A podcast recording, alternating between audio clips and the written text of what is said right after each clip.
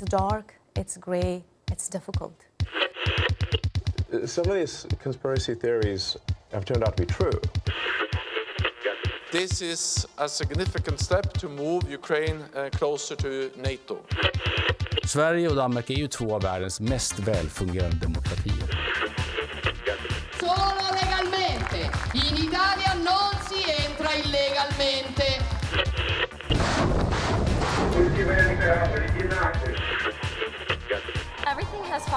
Place. I feel really good about where I am right now. Fredrickson of Denmark and uh, the Minister Jacobo, the daughter of Ireland. Do you guys ever think about dying?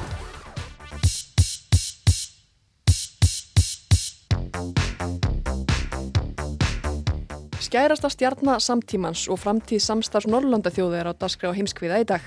Ég heiti Birta Bjöstóttir. Og ég heiti Bjarni Pétur Jónsson.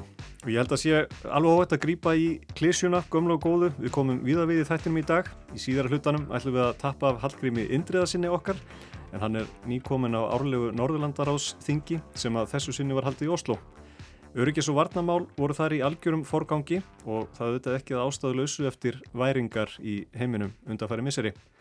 En það var fleira á dagskráni í Oslo og meðal annars kom fram að ekki er allar þjóðir alveg að sáttar í norræna samstarfinu. En þetta er nú alls saman í setni hluta þáttarins.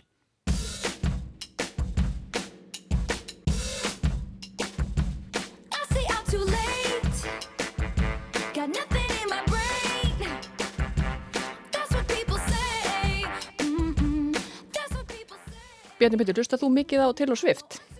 Ég er aðdáðandi sko, en ég, er, ég þekkti eiginlega betur til sko kærastans, uh, Travis Kelce, hérna, ég, en ég er mjög spenntur fyrir þessu pari og hérna, og hlusta að þetta eins og það gerum við það ekki öll, við hlustum öll til og svift. Er það ekki? En það er alveg sama hvort hún er ofalega á playlistanum hjá manni eða ekki, maður kemst eiginlega ekki hjá því að, að taka eftir henn. Nei, það er rétt og það er alveg sama hvort maður fylgist með fréttum að menningu, viðskiptum með öðru, nafn Taylor Swift kemur mjög víða við. Hún er endur ekkert ofalega á spiluna listanum mínum en okkur langaði samt að vita þess meira eftir þessi bæði tíðu fréttir af flestu sem henni tengist og líka svona þess að kortleggja þessar um margt ótrúlegu fréttir af velgengni hennar og vinsældi. Og það dög ekki minna en þrýr viðmælendur til að hjálpa til að meta áhrifin og, og stöðu stór stjórnunar. Heldur betur. Og sérfræðingarnir í komandu umfyllun þeir líka Taylor Swift við Lionel Messi eða við rúlandi snjóbolta sem sífælt leður utan á sig. Segja hana venjulega stelpu sem mörg geti samsvarað sér við, stelpu sem átti alltaf þennan draum að verða country stjarnar en er nú skærasta stjarnan af þeim öllum. Tónleikaferðalagi sem hún er nú á hafið merkjanlega áhrif á hagkerfi bandaríkjana hvorki meirinni minna. Hugum nú að Taylor Swift.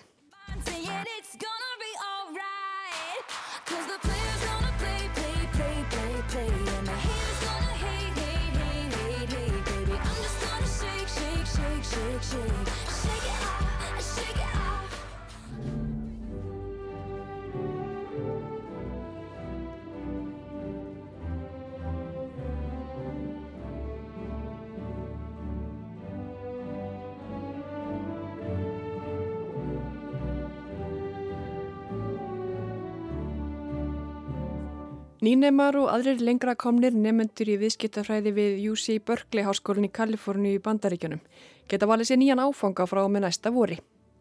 Háskólakúrsin er um Taylor Swift og ber heitið Listfengi og frumkvöðlastarðsemi, útgáðan hennar Taylor.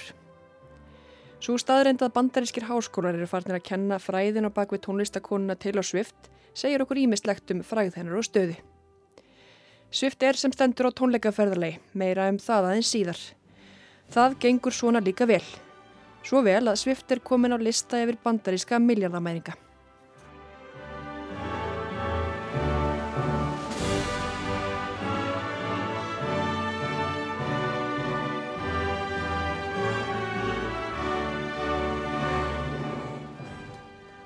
Það er Bloomberg sem heldur utanum slíkar virðismælingar og Taylor Swift flokkast nú sem miljardamæringur í bandaríkjadólarum talið. Og hún er eina af örfáum tónlistamönnum til að ná þeim stalli engöngu fyrir að selja plötur og tónleikamiða. Þið vitið bara fyrir að vera tónlistamöður. En hér er orðið bara haft en að gæsarappa svo það sé tekið fram. Flest annað tónlistafólk sem náð hefur á miljardamæringarlista Bloomberg hefur samlega tónlistinni verið með aðra starfsemi sem skýrar klingi í kassan svo sem fatalínur, snirtifurur og annað í þeim dúr. Þessi gríðarlega virðisaukning byggir auðvitað á laungum og farsalum tónlistaferli tónlistakonunar sem núna er ákveðnum hápunkti, allavega hinga til, á tónleikaferðalagi um heiminn.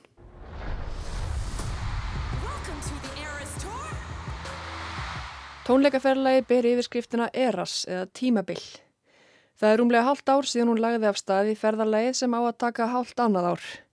Bandaríkin voru fyrst á dasgrá, fyrstu fimm mánuðina helt Svift 53 tónleika viðsverum Bandaríkin. Og hér verða nú tínt til nokkur dæmi sem sína áhrifin sem þessi brjálaðislega vinsala tónlistakona hefur. Tónleikaferðin, miðasalun og allt sem henni fylgir hefur merkjanlega áhrif á bandaríska hakkerfið, gerir aðri betur.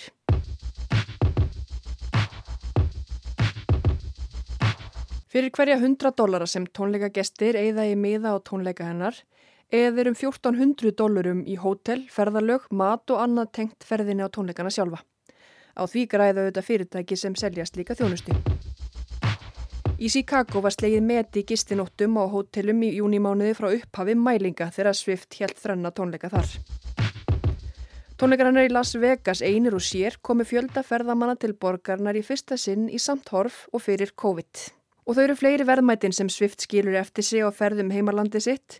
Hún hefur til dæmis reitt fram rausnarætt styrtarfíi í mataraðstóð fyrir þau sem þurfa á að halda í öllum borgunum sem hún hefur heimsótt á tónleikaferðinni. Hún er bara einhver svona rísastór snjóbolti sem er eftir að stöðva. Þannig að þú veist, það er alveg bara gríðarlega góða viðtökur við eh, tónleikaferðalæginu og hún er núna búin að vera held ég í bandaríkjanum. Hún er að fara til Evrópu núna í haust og, og, og, og túrin heldur áfram þanga til í november næsta ári sko. Þannig að hún er bara rétt að byrja. En samt er hún búin að gefa þessa tónleikamynd. Þetta er Ingi-Björg Sara Guðmundsdóttir, fréttamaður hér á Ríkisútarpinu. Tónleikamyndin sem hún vísar til hér fór í síningar nú í oktober og er meðal annars síndi í Smárabíó í Hérulandi. Þetta er tæplega þryggja tíma upptaka af tónleikunum sem síndir í kvíkmyndahúsum víða um heim samhliða ferðarlægi svift um heiminn. Sko þó hún sé að hafa bara verið í síningum í kannski rúman mánuð þá hefur hún nú þegar halað inn sko yfir 200 miljón dollara sem er mesta sem að tónleikamynd hefur gert bara ever, bara frá upphæðu tíma. Það var einmitt verið að bera saman semst hún er komið núna yfir eh, alveg vel yfir 200 miljóna dollara múrin en síðasta mynd sem að var svona vinsælt var sko tónleikamynd Justin Bieber's Never Say Never sem kom út ára 2011 og hún halaði sko 99 miljónu dollarein. Ingebjörg Sara er sjálf engin sérstakur aðdándi svift þannig en hefur fylst með henni og öðrum umfjöllunum fjölmiðla undan farin ár og það er tónlistin hennar ekki alltaf í aðalutverki.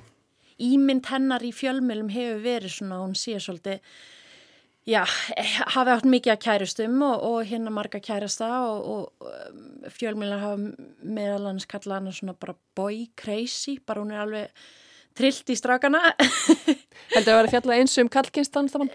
Ég held ekki nefnilega. Svona þegar maður horfið tilbaka þá er þetta mikil svona kvennfyrirlitning og hún hefur sjálf sagt frá því að hún hefur mikið verið gaggrind fyrir sagt, þetta ástalíf sitt og, og það sem hún gerir utan sviðsljósins á kostnað tónlistarinnar sem hún er mjög ósátt við og það var einmitt í einhverju blagrin verið að bera hana saman við til dæmis leikaran Leonardo DiCaprio, hann er náttúrulega þekktur fyrir að deyta svona ofur fyrirsætur og, og ungar konur en það hefur einhvern veginn aldrei haft áhrif á ferilans eða, eða gaggrinni á, á leik, leikara hæfileika hans sem að hún bendur á að sé gert í hennar tilfelli.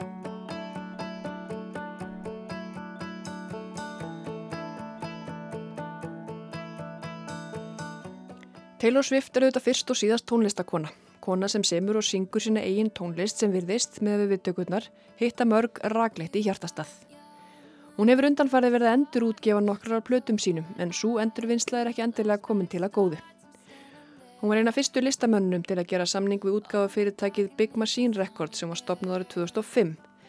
Árið 2019 eruðu eigenda skipti á fyrirtækinu sem Swift hugnuðist ekki Og til að gera langa sögu stutta hefur hún staðið í stappi við nýja eigendur allar götur síðan við að eignast masterana eða uppröðunlegu hljóð upptökunar á plötunum sem hún gaf út á fyrirtækinu. Það er fylgdu nefnilega með í kaupunum á fyrirtækinu og með eign á þessum masterum fylgir líka rétturinn til að selja tónlistina áfram til dæmis í auðlýsingar eða þá kvikmyndir og sjónvastætti.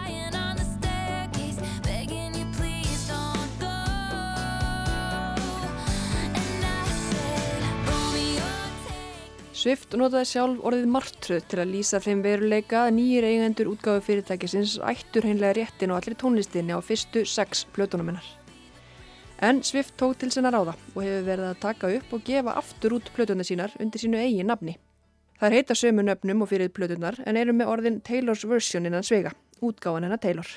Og ég minna það þær bara að fara beint á topp allra lista, þú veist það eru mest spilar á Spotify, það er þú veist, og kom, hún laumar alltaf nýjum lögum inn á þessar, þessar endurúgerðin plötur þannig að þú veist, þannig að það lítur ekkit út fyrir að hún sé eitthvað að gefa eftir eða, eh, ég veit nú ekki hvort maður á að segja að setjast í helgan steinum konu sem er 30 hvað fjörara eitthvað svo lesa en, en hún er allavega ekkit, þú veist, hún er ekkit að stoppa, það er ekkit að ekkit sem segir að hún sé eitthvað að fara að slaka á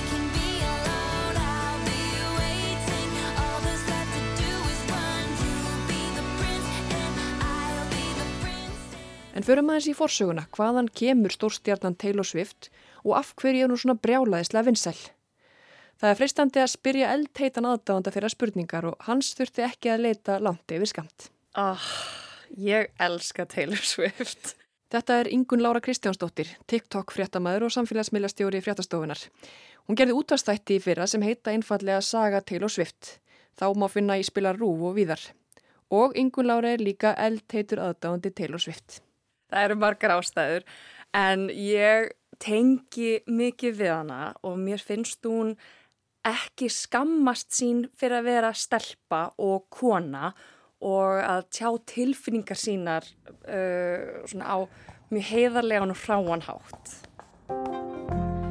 Vintage tea, brand new phone, high heels on, cobblestones Sko, hún er líka náttúrulega frábær viðskiptakona. Hún kann að uh, svona tengja við sína aðdáendur, hún er mjög trygg sínum aðdáendum, hún er ekki bara trygg aðdáendur, hún er trygg sínum aðdáendum. Hún er reglulega með svona veislur heimi á sig sem hún býður sínum aðdáendum heim til sín. Og var ofta að tala beint við þá á síðum eins og Tumblr og Twitter og, og bara á öllum samfélagsmiðlum. Þannig að hún er með mjög svona djúpa tengingu við sinn grunn hóp og hefur gert það síðan hún var 14 ára.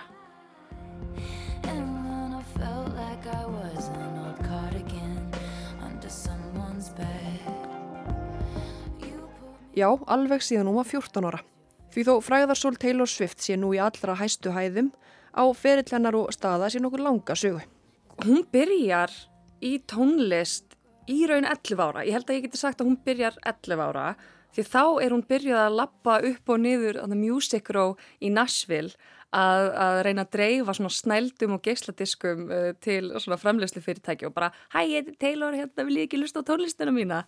En það er ekki fyrir hún er 14 ára sem hún sannfærir fóraldra sínum að flytja til Nashville og byrja þar í sveitasöngvonum þannig hún byrjar í country það er hennar upprunni, hún elskaði Shania Twain og Faith Hill þessar stór Dixie Chicks. Hún dyrkaði þessa konu, hún leitt svo mikið upp til þeirra. Hún vildi vera alveg eins og þær. Og alveg upp á þeim punkti að hún sko tók á sig í raun nýjan hreim og allt, hún byrjaði að syngja og tala með svona mjúkum uh, það sem við kallum diphthong uh, Texas hreim eins og bara úr einlægin hennar og held í fyrstu plötu hennar þá syngur hún real slow og should have þetta er svona diphthong það er, það er sveibla og, og þetta er svona mjúkur hreimur og hún tekur svona, þetta er ekki hennar uppröðulegi hreimur.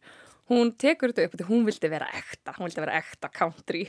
Hún kemur þarna inn alveg full mótuð hún var mikið með uh, svona tónskaldi sem heitir Liz Rose sem var hennar svona fyrsti tónlista leiðbennandi og 14 ára semur hún við Sony, hættir sama ár hjá Sony, yngsti tónlistamæður til að gera það, að fá heyrta einhver hætti hjá Sony því að þau vildu ekki gefa út hennar lög, þau vildu að hún myndi syngja lög annara. Eftir hennar fyrstu plötu þá slæður hún strax í gegn. Hún feg bara efst á alla lista í sveita söngvonum en í raun þá verður hún ekki stór stjarnar fyrr en hún vinnur þarna verðlun á MTV uh, verðlunháttíðinni. Þarna er árið 2009 og Taylor Swift vann verðlun fyrir besta tónlistamindbandið og ætlaði að fara að þakka fyrir sig. Taylor Swift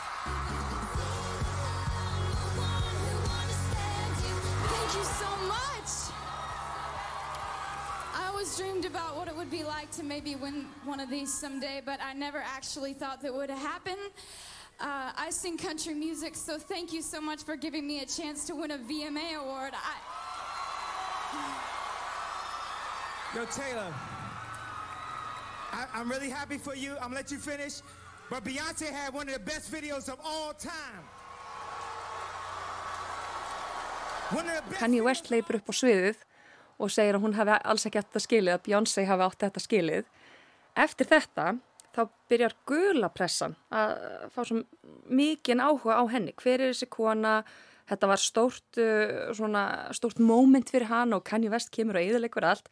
Það voru allir mjög forðnir. Hver er þessi kona? Og byrju ok, hún er að semja lög hérna um kærastarna sína og byrju ok, kærastarna eru frægir menn.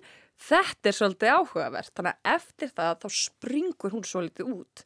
En alls ekki út af Kanye West, hún var náttúrulega búin að byggja upp sinn feril og kom með mikla aðdæðendur, en þarna heyrir í raun, svona, heyrir heimurinn um hana.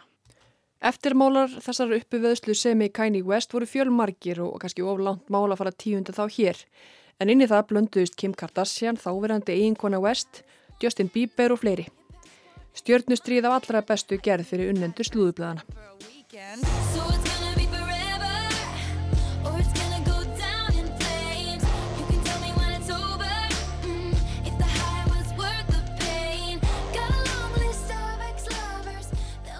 Eins og áður sagði hófst tónleikaferðalagið óurlega síðasta sumar og stendur fram í november á næsta ári. Tónleikanir áttu upphaflega að vera um 50 talsins en eru nú orðnir 146 á dasgráni. Í nýlegri ágiskunu viðskiptablaðamann CNN mætaða meðaltali 72.459 manns á hverja tónleika hjá henni. Sér það raunin má gera ráð fyrir að um 10,5 miljón jarðabúa mæti á tónleika Taylor Swift næsta árið eða svo. Það eru svipamarkir og gjörvallir íbúar svíþjóðar og fleiri en öll þau sem búa í Gríklandi. Og einn þeirra sem á miða á tónleika með Swift er Ingun Lára.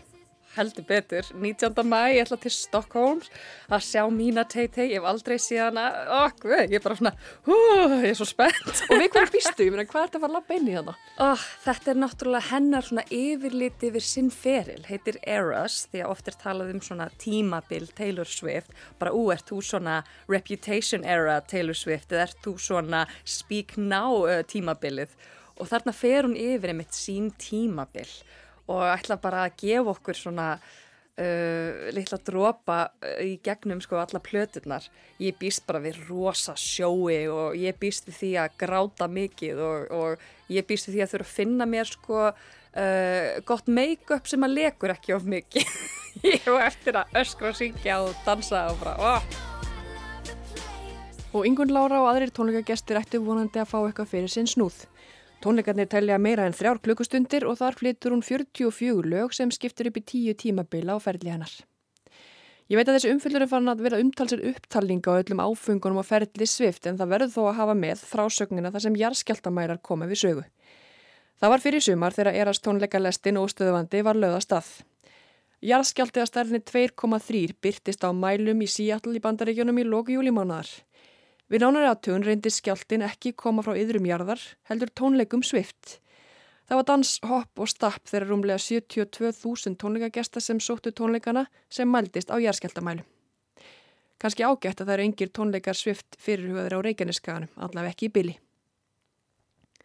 Og með allan upplistaðan og ofantalin árangurinn þá spyrum það kannski ósjálfrátt hvað næst? Við erum svo vönd því að þegar stjörnur rýsa hratt þá kemur eitthvað fall eftir á og ég hef alltaf verið svolítið hrætt um það að það sé að fara að koma eitthvað rýsa fall eða þá ymmit, sko, maður hefur ekki séð eða svona tónlistastjörnu rýsa svona hátt, hún er búin að sko slá öll með sem hún getur sleið og núna er allt í hún komið svona nútur í magan hjá mér. Bara, ó, þetta kemst ekki lengra því við höfum ekki séðneitt fara svona hátt og svona langt og ég reyna hvað sem er getur gæst en nú erum við komin á ókunnar slóðir. Og það eru fleiri fréttamenn sem hafa skoðunir á Taylor Swift, ferðli hennar á stöði. Þetta er Freyr Gíja Gunnarsson, fréttamaður, sérfræðingur í Hjegomavísundunum svo kölluðu og umsjónamaður hlaðvarpsinn 7 mínútur með fréttastofur úf. Tengdasónu minn, hann elskar þungarokk. Uh, sko, hann vil hafa þungarokki sitt uh, bara sveitt og helst gamalt. Uh, stjúpdóti mín, uh, hún er hrifnust af svona soft poppi og, og hérna Lönnu Del Rey og Frank Ocean og, og hvað þau nú heita. Hann dyrkar Taylor Swift, hún ekki. Okkar fremsti listamæður, Ragnar Kjartansson, hann er yfirlýstur Swifti og uh, svona allt þetta gefur kannski bara svolítið ágætis vísbyttingu um uh, að Swift hefur það sem að James Brown kallaði bara it. Það er einhver svona X-faktor, það er alltaf að tala um hennan X-faktor eins og við veitum. En ég held að hún hafi sko, hún er svo vennjuleg. Það er það sem held ég að fólk tengi við hana. Hún er superstjarnar, hún er eh, á tónleikaferðalagi núna sem er bara, hún bara selur eh, hundraðust mannas leikvanga á 30 sekundum, þú veist, hún er alveg þar. En hún er samt líka bara svona vennjuleg stelpa. Þú veist, hún er alveg mjó og hávaksinn og, og sæt og allt það, en hún er samt bara svona vennjulegt. Hún er heldur ekki rosalega svona svöl eða svona cool. Hún er ekki eins og Beyoncé sem er bara, þú veist maður bara heldur að hún sé bara freka guð heldur en lifandi kona. Þú veist hún er ekki, hún er ekki einhvern veginn þeimsta, hún er meira svona vennjuleg og ég held að fólk tengi rosalega við það. Ég held að það sé það sem að fólk tengi við hana. Hún er bara vennjuleg stelpa frá hérna Suðuríkjum bandaríkjana. Viðbröðum við tónleikaferðinni hafa hér við tíundið. Ticketmaster miðasölu kerfi fór algjörlega á hliðina þegar miðar fóru fyrst í sölu. Tónlistamæðurinn Billy Joel mætti á eina af tónleikonum og sagði eftir í viðtali við New York Times að viðbröðum við tónleikum Swift mætti líka við bítlamanníuna á sínum tíma. Og ef maður lítur bara á tölurnar þá er þetta meira en, en bítlamannían og þetta, já, það er máli sko. Það er erfitt að bera þetta saman við eitthvað annað. Ég var eitthvað að hugsa, getur við borðið þetta saman við Madonnu eða Britney en, en sko þetta er í raun komið veginn lengra Ég, ég fór okkur að hugsa um, hugsa um hérna, þessa bítlamanju og, og, og bítlaæðið og, og ég er alveg vissum það að, að fólk sem er talsverst eldra en við er þið, svolítið svona reitt ef að, er, ef að Taylor Swift er þið líkt við bítlamanjuna að því að hún var líka bara svolítið meira svona uppreist gegn einhverju fóreldra hlutverkinu og, og já, hún, hún var svona kannski meiri svona menningarbilding ef að þannig mætti að orðið komast. Sko vinsaldarlega séð gæti maður örgla alveg, alveg sett hana á sama stall og bítlana en, en sko þetta er kannski meira í ætt við Michael Jackson og Madonna svona á, nýjunda áratöknum. Eitthvað sem að tónlistabransin held bara að hann myndi bara aldrei upplefa aftur og þetta er alveg rétt, hún er að slá með Madonnu þegar kemur að aðsokna tónleika. Svo verður við náttúrulega líka að hafa í huga að, að Beyoncé var á, á tónleikaferðalagi í sömar, Bruce Springsteen var á tónleikaferðalagi, Drake var á tónleikaferðalagi. Þessi listamenn, þeir áttu bara ekki róð í Taylor Swift og þessa, þetta, þetta skrimsli, hún, hún gæti verið á góðri leið með að slá tekið með Elton Johns sem að hann setti þegar hann fór í þess að þannig að kveðju, þessa kveðju tónleikaferða uh, sína veist, sem að náttúrulega sló öll met að því að fólk kjælt að það væri og vissi að það væri að sjá Elton John í síðasta skipti. Veist, hún er að slá þetta met. Hún er búin að, er búin að slá met Barbara Streisand það verður engin kona eh, átti að margar plötur á, á topp 200 listanum hjá Billboard og hún er fyrsti listamæðurinn sem upplifir það á eigin skinni að eiga fjórar plötur á topp 10 á sama tímanum síðan Herb Albert afreikaða 1966. Við rættum aðeins hér áður um umfyllunum ástarlíf Taylor Swift í gegnum tíðina. Það verður ekki gert að aðalatrið hér enda henni eins og öðrum frjálstaðelska manneskjöð eigin vali. En áhrifa hennar gætir í ástarlífinu samt einnig. Um daginn sást til hennar í heldri mannastúkunni og NFL leik þar vestra. Það er leikin á vellinum Travis nokkur Kells með liðið sinu Kansas City Chiefs. Þau eru núna kærustupar og Kells fyrir ekki var hlut af áhrifum kærustunar. Kells spilar í treyu nr. 87 á vellinu. Treyu sem var fyrir haust í 19. sæti yfir mest seldu treyjunar í NFL-deildinni. Síðan þá hefur salan á treyjunum mert um númerun 87 aukist um 400%. Já, 400% á nokkrum vikum og treyjun er nú eins og allra vinsælasta í NFL-sjópunum. Heitar lumur eiga ekki róði þessa aukningu. Kjells hefur alveg staðið sér ágætlegin á vellinum en þessi gríðarlega eftirspurn eftir treyjunans hefur þó ekkert með hæfni hans í sportinu að gera. Treyjunar hans seljast bara í bílförmum eftir að Kjells byrjaði að hitta Taylor Swift. En hvað er það sem í raun gerist þegar svona heimar mætast íþróttur og tónlist?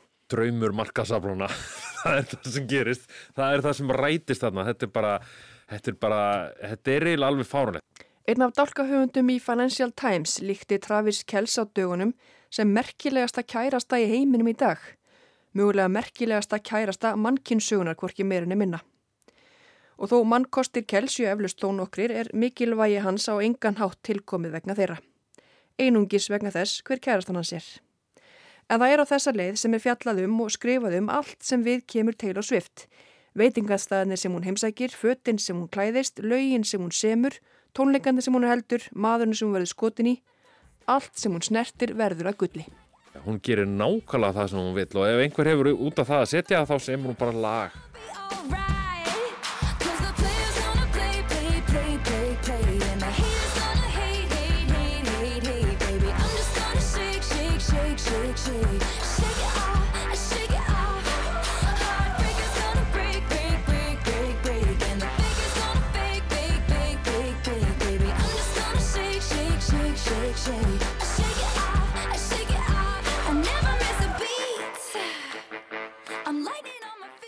Þá að allt, allt öðru.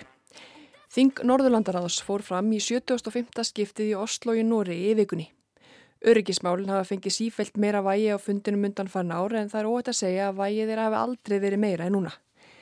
Og yngaði komin góðkunningi þáttarins Hallgrimur Indriðarsson. Já Hallgrimur, þú fyldist með þinginu fyrir fréttastofuna og það er kannski rétt að spyrja, kannski fyrst, hvað er Norðurlandaráð? Já, sko á heimasíðu Norræns samstarfs, þar er talað um Norðurlandaráð sem þingmanna vettvangi í ofinberu Norrænu samstarfi, mjög svona formlegt orðalega eins og er mjög oft þarna þessum vettvangi. Og í, einlega stuttumáli þá fer þarna fram bara pólitísk stefnumótin á Norrænu uh, samstarfi. Þarna starfa nefndir um mál, alls konar mál, uh, rétt eins og menn kannski þekkja af þjóðþingunum, alþingi til dæmis koma svo með tilhöfur máliktanir sem eru laðað fyrir þingið. Það eru 87 þingmenn frá Norðurlöndunum 5 í ráðinu en síðan eru svo tveira fulltrúum dana frá Færiðun, tveir frá Grænlandi og svo tveira fulltrúum finna frá Álandsegjum. Og þetta ráð starfar á grundvelli svo kallaðis Helsingi-sáttmála sem er svona talað um sem eiginlega Norræn stjórnarskrá var gerð 1962 og hefur að svona grunni til haldist uh, síðan bara svona nokkur neginn óbreytt með einhverjum svona, einhverjum smá svona uh, lagfæringum og ég kannski ræði aðeins um þennan uh, Helsingja sáttmála setna í okkar, okkar spjalli. Já, en byrjum á þingin núna og það má eiginlega segja að það þing hafi byrjað með kvelli. Já, heldur betur. Það hófst laust eftir hátegi á, á þriðudag og, og strax við upphaf þingsins sjálfs þá flutti Jens Stoltenberg, framkvæmdastjóri allarsasbandalagsins ávarp en kannski áður en við komum að því þá kannski ættum við aðeins að heyra hvernig stemningin var þegar Stoltenberg kom til þinghúsins áður en hann held ávarpið og þar tóku þingfossettinn og fleiri á, á mótunum. Heyrum aðeins hvernig stemningin var.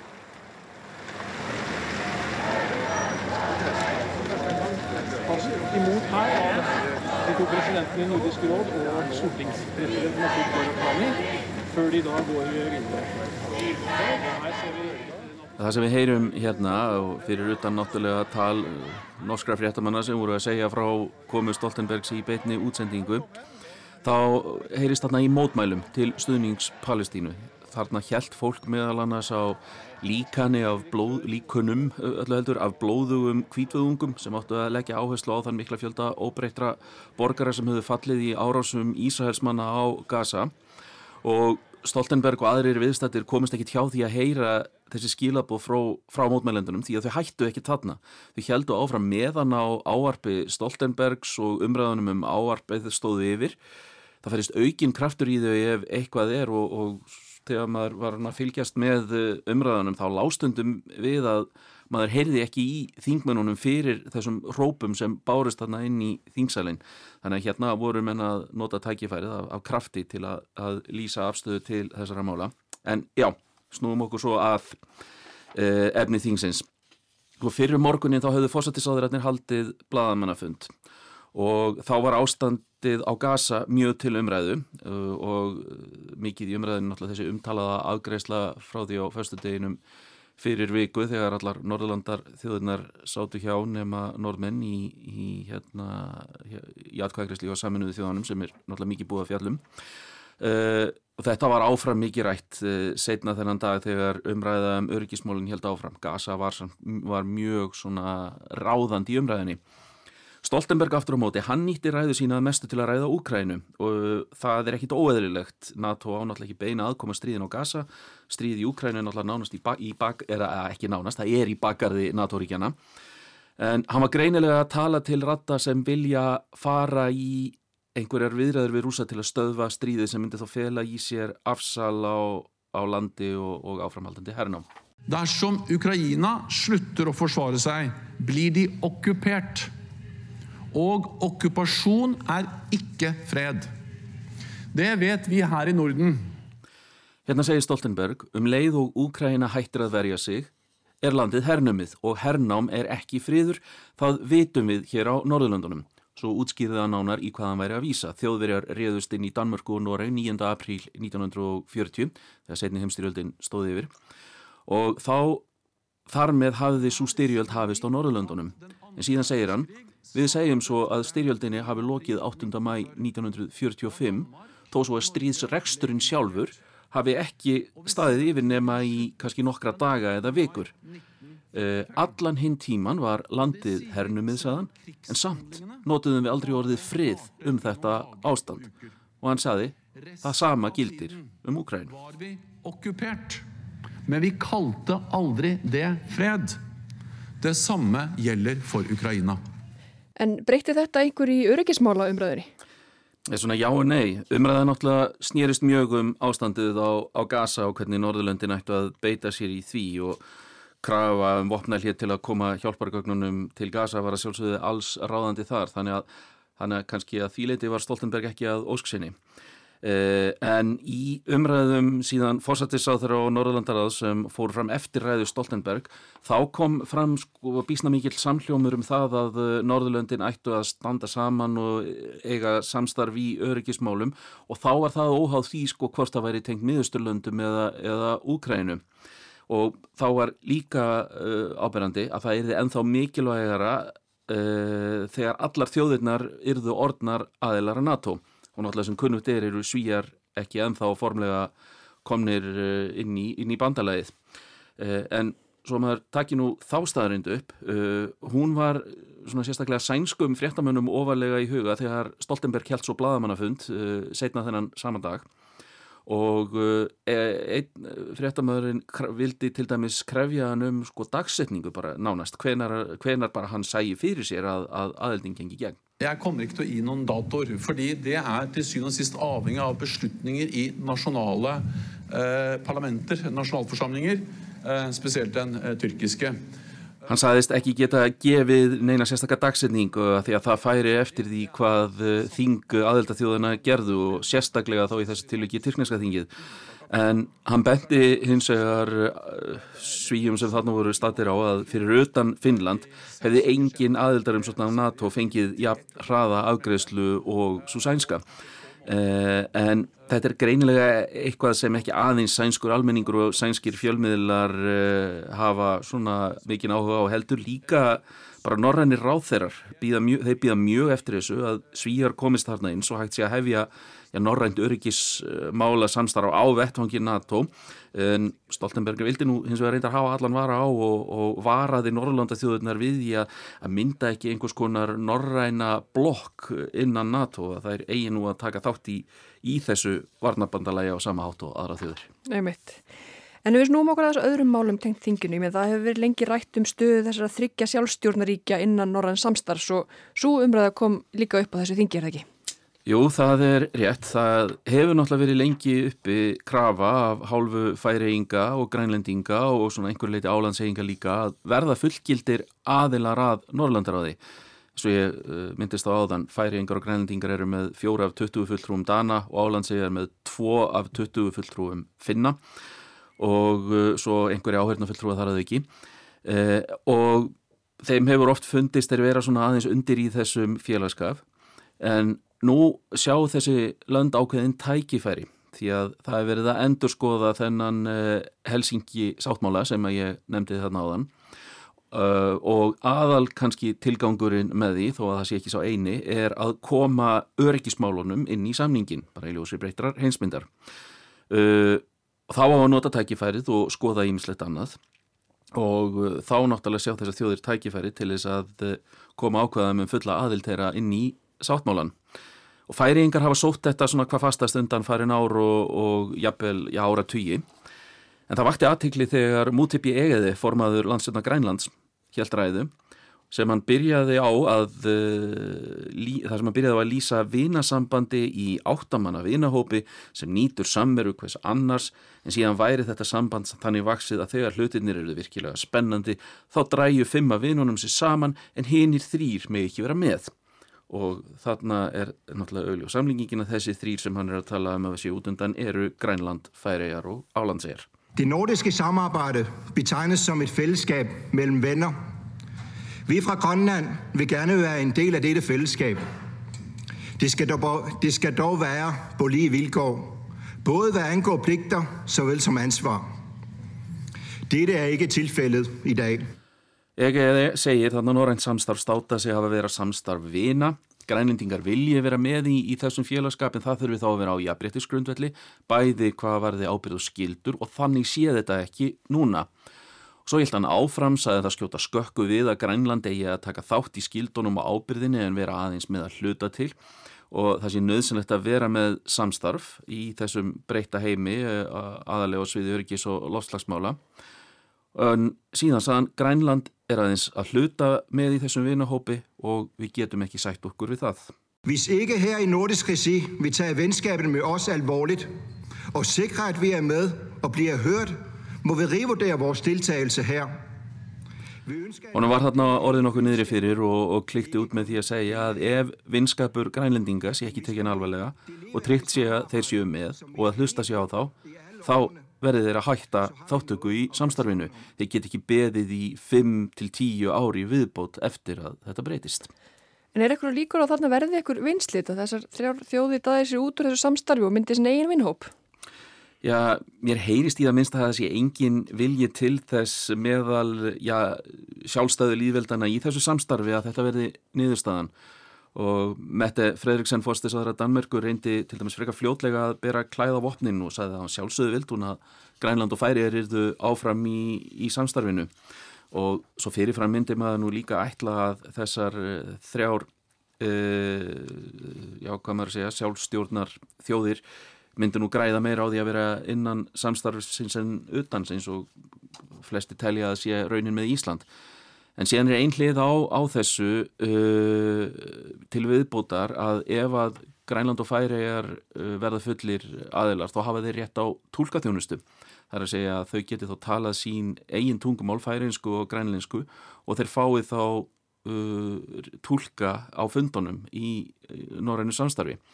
Þetta hefur auðvitað með, för með sér meiri kostnað af samstarfinu og þannig, þannig að þetta, er svona daldið flók, flóknara máli en, en kannski virðist í fyrstu en þetta sýnir það að það er miklu meiri þungi komin í þessa umræðu og uh, tungumálið er kannski svona einn byrtingamyndin af því að, að þarna kannski telja þeir sig vera já, einhverju leiti utan gáta í, í samstarfinu.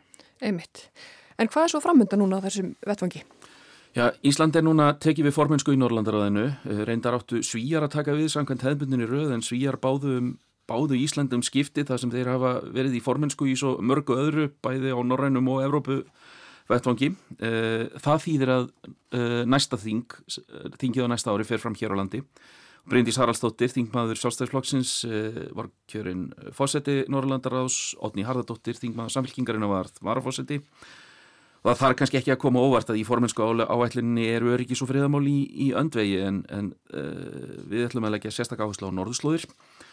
Uh, eins og hefur komið fram með staðan þar Bísna Flókin starf sem er Norðursköldsráðsins hefur eiginlega varð, fór eiginlega í frost uh, eftir inn á Súsa í Úkræna því að rúsar voru þá í formen ráðsins, normenn eru teknir við þeirri formensku núna og síðan fer spennan þarna vaksandi, kínverjar hafa aukin á, á þessu svæðu og vilja auka áhrif sín. En í formenskur áalluninni þar er líka talað um, talað um að ebla kynjajabrétti og stöðu hinsegin fólks og sem eru nú svona hefbundin e, gildi og, og svo fyrir nefnd endurskoðun Helsingi sáttmálans og Bryndís sagði í ræðu sinni þegar hún tók í fósastæðinbættinu að það hefði verið haldinn fundur hjá starfsópi um endurskoðunina sem hefði jafnvel tekist á uh, en endurskoðunin væri þetta mikilvægastu verkefnum ráðsins og síðan í tengslum við hana þá nefndi hún annan þátt í uh, formans áætlun Íslands. Eitt af því sem við viljum skoða er staða tungumálana í norrænu samstarfi. Fyrir marga norðurlandabúa er skandinaviskan eitt af því sem tengir saman löndin. Fyrir okkur sem hefur, höfum önnur móðumál hefur hún þvert á móti í auknu mæli orðið aðgreinandi og jafnvel staðið í vegi fyrir þáttöku í norrannu samstarfi. Þetta þurfum við að ræða betur og finna leiðir til að jafna stöðu þáttakenda í samstarfnu til að ebla það til framtíðar. Ja, það má kannski draga þá álíktun af þessu að færi engar og grænindingar eigi haugi horni í Íslendingum í baróttinsinni við að vilja fá fullgilda aðelda Norrlandaráði og, og þar með tólkaþjónustu. Íslandingar búa þegar við bísna góða tólkaþjónustu og flestum stórum samkomum á vegum Norræns samstarf sem telja það sé hægt að gera betur og ætli þjóðirnar þrjár sem telja sig vera aðeins utan gáta í samstarfinu telji sér ekki geta nýtt sér þetta eitthvað. Það er mitt. En að lókum, hluti að Darská Þingsins eru menningavelunaháttíðin og þar voru Íslandingar með velunahafa eða ekki? Nordisk råds barne- og ungdomslitteraturpris 2023 går til Elgos av Ran Flygedring fra Ísland. Jú, það var Rán Flygðarinn sem hlaut velunin í flokki bókmenta ætlu börnum og unglingum fyrir bókina sína Eldgós og það er auðvitað alltaf skemmtilegt þegar Ísland fær uh, velun. Þetta komin í greinilega tölverst óvart. Takk. Tusen takk. Miljón takk. Um, uh, Já, takk. Ég má uppenbart takka júriðin. Þessi velunaháttíð hefur alltaf verið svona mjög vegleg og glæsileg. Þarna koma fram margir af bestu listamönnum þeirra þjóðar sem heldur þingið. En það hefur hins vegar verið orðrumur í gangi um það að þetta getur orðið í síðasta sinn sem þessi háttíð verið haldin með þessum hætti.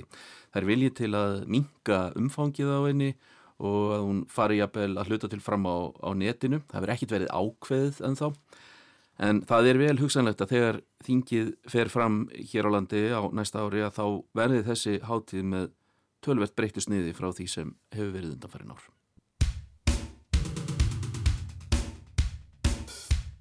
Og þá er ekki fleira í heimskviðum í dag. Við verðum að sjálfsögðu hér á sama tíma í næstu viku. Takk fyrir að hlusta.